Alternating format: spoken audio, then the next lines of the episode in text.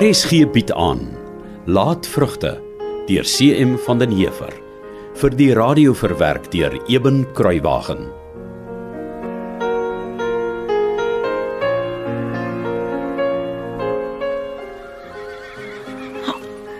Wat maak Dominee Verster hier? Dalk het Male hom laat kom sodat hy met my kan praat oor Henning. Het al so baie maal vir my gesê dat ek vir Henning voel is iets onheilig en lelik. Dominee dink seker ook so. Ja, ek weet nie meer wat om te maak nie. Ek wil liewer dood wees. Ek kan nie meer so skuldig en vuil voel nie. Maar hulle wil my nie verstaan nie so. Miskien is dit beter as ek myself doodmaak. Enige oomblik sal ma my seker nou roep. En dan sal Dominee my kastei met al sy beskuldigings van sonde en verdoemenis. Ek sal niks sê nie. Net al hoe meer wens ek was liewer dood. Broer Jaap, ek is vanmiddag hier oor 'n gewigtige saak. Ja, hier kom dit nou. Ja, Dominee. Die onmin tussen u en broer Syber kan nie meer daar gelaat word nie. Dit moet nou einde kry. Die hele distrik praat nou al van die rusie. Dominee sê pa moet sy bekleierery met oom Sybrand laat staan en hulle maak vrede, dan kan ek en Henning mos met hulle praat. Dan hoef ek nie meer weg te gaan nie. En dan hoef ek en Henning mekaar ook nie meer skelm te ontmoet nie. Dankie tog. Dankie, dankie, dankie. Maar Dominee, ek dink nie u verstaan die hele ding nie. Nee, broer, ons kan nie die ding hier laat nie. Soos ek sê, die hele distrik gons al oor die rusie tussen julle twee. Ja, ja Dominee. Julle is nie heidene om so voort te gaan nie. Sy brand van vuren is 'n heiden. Hy sit sy voet nie eers meer in die huis van God nie. Broer Jaap, moenie oordeel nie, sodat julle nie geoordeel word nie. Die woorde van ons verlosser self, né? Ja, ja Dominee. Ek wil u nou hier oplaai om saam met my te ry na u buurman toe. Nou om sy brand. U moet die hand in syne sit en erken dat jy altyd skuld het aan die struweling. 'n Mens is nooit heeltemal reg of heeltemal verkeerd nie. Ja, ja maar Dominee. Ons moet die ander man se standpunt altyd respekteer. Ja, maar tog seker nie 'n heiden en 'n sondaar se verkeerde standpunt nie, Dominee. Oppas tog vir die veroordelende gees, broer, waak daarteen. Ja, Dominee. Kom nou, broer. Wees groter as al die kleinlike besagtighede. Ai, Dominee. U sal self voel hoeveel gelukkiger jy is daarna. Sulke dinge hinder 'n mens net. Dit ontneem mens jou vrede. En God het juis vir ons mens geword sodat ons sy vrede kan ontvang. As Dominee sê pa moet sy bekleierery met oom Sybrand laat staan en hulle maak vrede, dan kan ek en Henning sommer trou ook. Voel u nie daardie wonderlike vrede in u lewe en in u hart hê nie, broer Jaap? Nooit, Dominee. Nooit. Ek's geen huigelaar wat bo op vriendskap sluit en onder in my hart nog 'n wrok koester nie. Wat vergewe maar nooit vergeet nie. Nee, Dominee, ek vergewe nie met die mond alleen nie, maar ook met die hart. Maar dis hoe dit hoort, broer. Die hele ding moet onder van die wortel af regkom. Maar natuurlik, broer. En Dominee, ek sê vandag vir u. Dit sal nie regkom nie. Ek's al vir jare die ou hy eh, die ou korrelkop se buurman. En ek wil eerlik sê, as ek môre my grond teen 'n goeie prys verkoop kan kry, dan trap ek liewer voor ek boskloof toe voeter met die wrok in my. Ag nee, broer Jaap. Dit kan tog sekerlik nie vir die gelowige van u statuur so moeilik wees om 'n hand van vergifnis na 'n medemens uit te reik nie. Nee. Nee. Hoekom probeer ons nie net maar nie? Dank is 'n besoek aan broer Sybrand net wat nodig is om al hierdie kwade gevoelens vir altyd uit die weg te ruim. Nee, nee Dominee.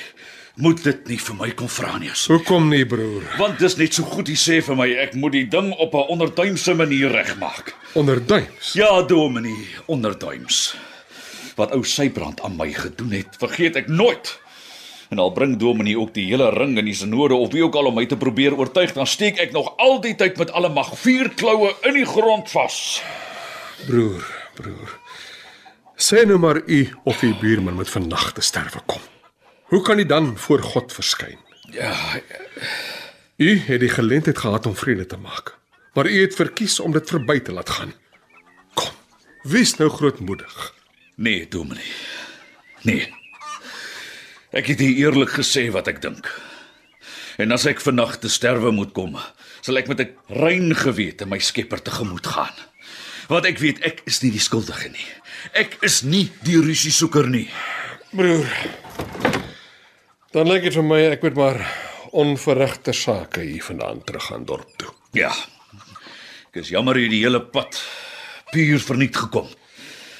Maar Miskien moet Dominee maar 'n bietjie met die ou hy die, die, die ou korrelkop gaan praat en hom vra om sy bergsondes 'n slag te bely. Ek weet nie eers of hy u glad in sy huis sal toelaat nie. Weet jy, broer Jaap, my hoofouderling broer Andrius Nel, Ja ja ja. Ek ken Andries goed. natuurlik. In ieder geval, broer Andrius het dalk 'n waar ding gesê. Al moes ek hom daaroor berisp. Wat het hy gesê, Dominee? Toe ek hom inlig dat ek hierheen kom om hier saam te neem na broer Sybrand, toe het hy gelag en gesê: "Dominee, daar's net een manier om met Jaap en Sybrand te werk. Dominee moet hulle vasmaak op twee stoele met hulle gesigte na mekaar. Dan kan hulle mekaar maar so sleg sê as wat hulle wil. Maar op die ou end gaan hulle moet lag vir hulle self, want geen redelike mens kan vir so lank so verspot wees nie." En dis 'n ouderling. Wel broer. Ek dink al hoe meer ek was verkeerd om broer Andries te berisp. Ek dink ek stem met hom saam. Geen redelike mens kan vir so lank so verspot wees nie. Die Here seën hier broer Jaap. Totsiens.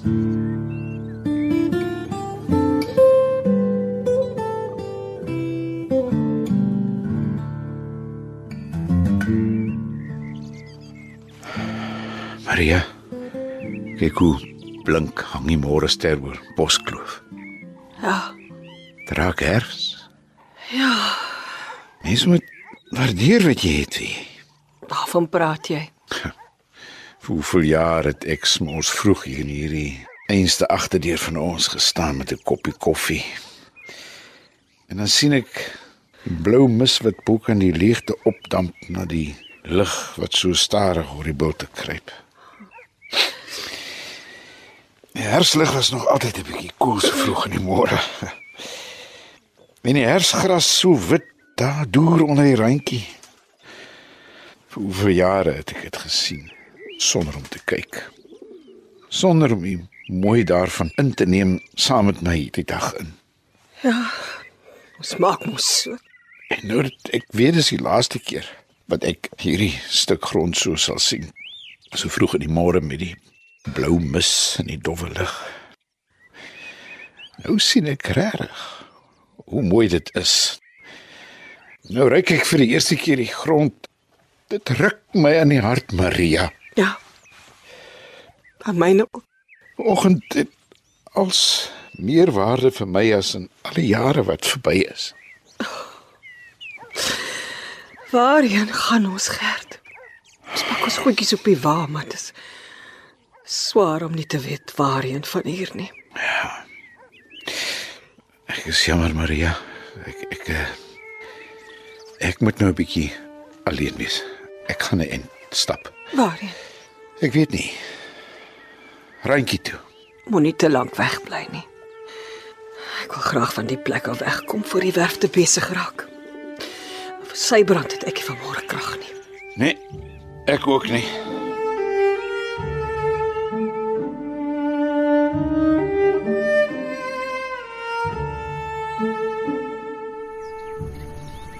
Is dit tog nie oom Gert wat ek al sien nie? Môre om Gert. Môre. En Wat maak oomie? ag, ek het maar vir oulaas kom kyk hoe lyk die grond waar ek so vir jare gewortel was. O ja, vandag is Ja, ek uh, ek jammer om. ag, het ons sien. Dit is. Dit mos nie jou skuld nie. Ek weet ouma, dis my pa se skuld en ek skaam my vir hom. Moenie. Jou pa bly jou pa, al is hy ook wat. Ja oom. Dankie. Wie ry deur ginter in die pad? O, dis 'n veekoper wat pa laat kom het. Hy wil glo 'n klomp van die oortollige perde en beeste van die hand sit. Ek sien. Ek uh, daar's nie veel wat ek kan doen nie, maar as oom hulle ooit iets nodig het. Dankie, jou seun. Kom ons loop huis toe. Ek het aan Maria beloof ek sal nie lank wees nie. Sy moet net die beddegoed waarop ons geslaap het op die wa pak. En dan moet ons ry. Gaan oom hulle nou maar op die dorp bly. Nee, vader alleen weet. Ai oom.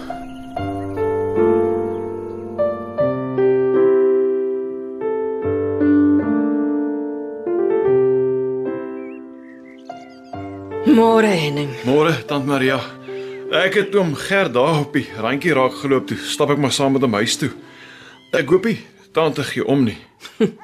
Waarvoor sal ek dan nou omgee? Nee, ek weet mos tante hulle is besig en so. Is daar iets waarmee ek kan help? Nee, wat? Nee, dankie Henning. Alles is klaar gepak en gelaai. Sou net vir die pad vat. Vader weet waarheen, maar vat moet ons hom vat. Ja, tante. En die kinders, uh, waar is hulle dan? Hulle speel iewers. Hulle is die ene opgewondenheid oor die avontuur wat vir hulle voorlê. Ai, tante. Gelukkig weet kinders nie aldag waaroor groot mens goed gaan nie, nê. Hulle weet nie eers hulle ouers kry swaar nie. Nee, Henning. Hulle weet nie. En Johanna? Hoe gaan dit nog met haar? en met die groot liefde, hè? Wat 'n lieflike kind is sy tog nie. Ja, sy is oom. En nou Henning? Is dit fout? Tante, uh soos gister wat ek hoor tante en my ma waarsku ons teen seer kry. Ag nee. Wat het gebeur? Uh dit is toe so tante my ma gewaarsku het. Om Jaap en my pa se stryery staan tussen my en Johanna. Om Jaap wil nie dat ek haar sien nie en en nou dreig hulle om haar weg te stuur na haar tante iewers. Na, die kerel waar? Nee, nee om Gert, ek weet nie maar Johanna sê dis dis glo omtrent 3 ure te perd van hier af. Oh. Jesus. Ja, sien. So het elke huis maar sy kruis. Jy kan ons nie help nie en ons kan jou nie help nie. Nee, die liewe Vader kan. Nou, toe Gert. Groet dat ons kan ry. Ek roep solank die kinders. En dan moet jy solank begin bid, die liewe Vader wys ons waarheen. Laatvrugte deur CM van den Heever is in 1939 uitgegee deur Nasionale Pers en word vir RSG verwerk deur Eben Kruiwagen.